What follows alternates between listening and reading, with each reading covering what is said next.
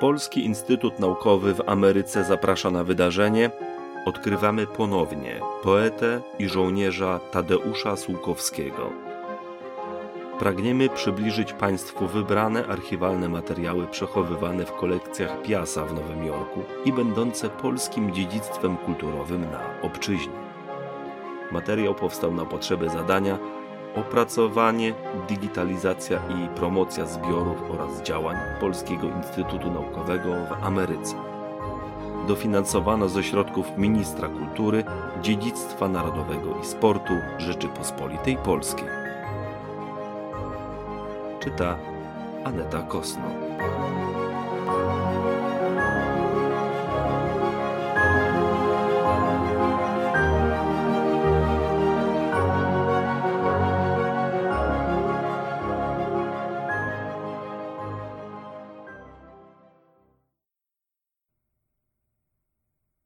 Dwudziesty pierwszy sierpnia tysiąc dziewięćset czterdzieści siedem.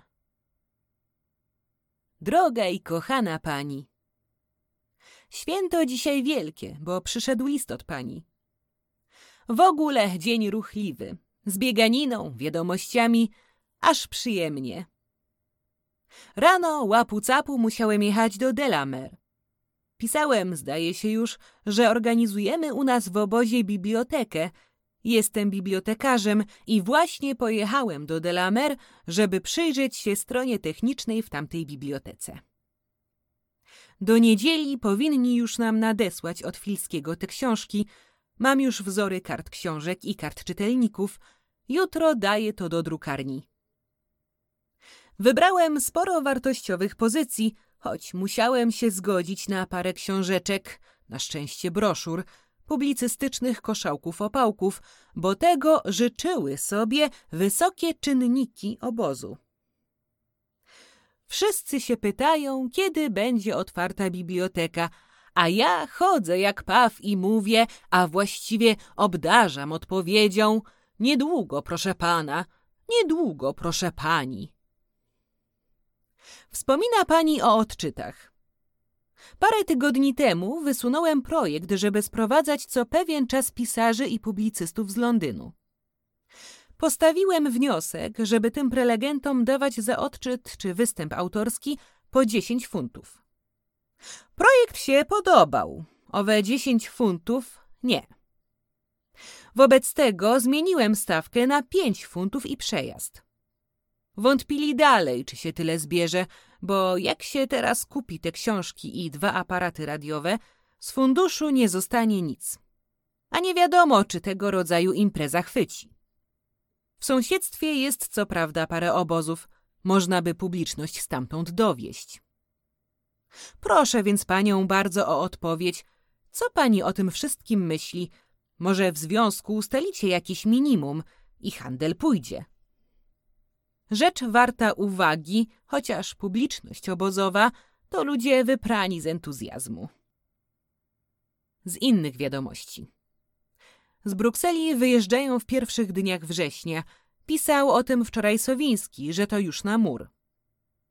Niedługo przed Brukselczykami zajrzy do Londynu Kołoniecki, który teraz jest jeszcze w Brukseli. Narzeka Sowiński, że nie mógł się z nim porozumieć, jeśli chodzi o sprawy ogólniejszej, politycznej ustawy. Dzisiaj znowu dostałem list od Kobrzyńskiego, który planuje wypad do Francji. Miał panią poprosić o adres Międzyrzeckiego. Mamy się jutro rano spotkać w Crieff i tę historię omówić. Jeśli chodzi o mnie, to raczej nic z tego nie będzie, ale to zawsze przyjemnie chociaż pogadać o takim projekcie. Gustaw Szelma zupełnie zamilkł i nie wiem, jakimi światami teraz chodzi. Czy on już jest w Londynie? Dziękuję pani pięknie za list i najserdeczniej pozdrawiam. Proszę pamiętać o Calvary. Tadeusz. Teraz istotnie częstszą mam radość z czytania pani rzeczy w wiadomościach, rzadszą w listach. Może to jednak da się jakoś pogodzić. Sztuka i epistolografia. 24 sierpnia. Znowu i ja. Nawaliłem z wysłaniem tego listu i zrobił się pamiętnik. Więc trzeba, jak w pamiętniku.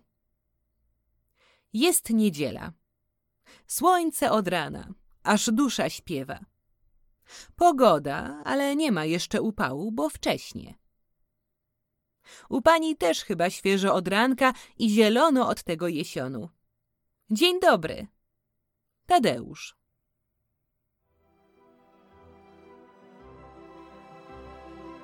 This recording was created for the project, development, digitization, and promotion of the collections and activities of the Polish Institute of Arts and Sciences of America.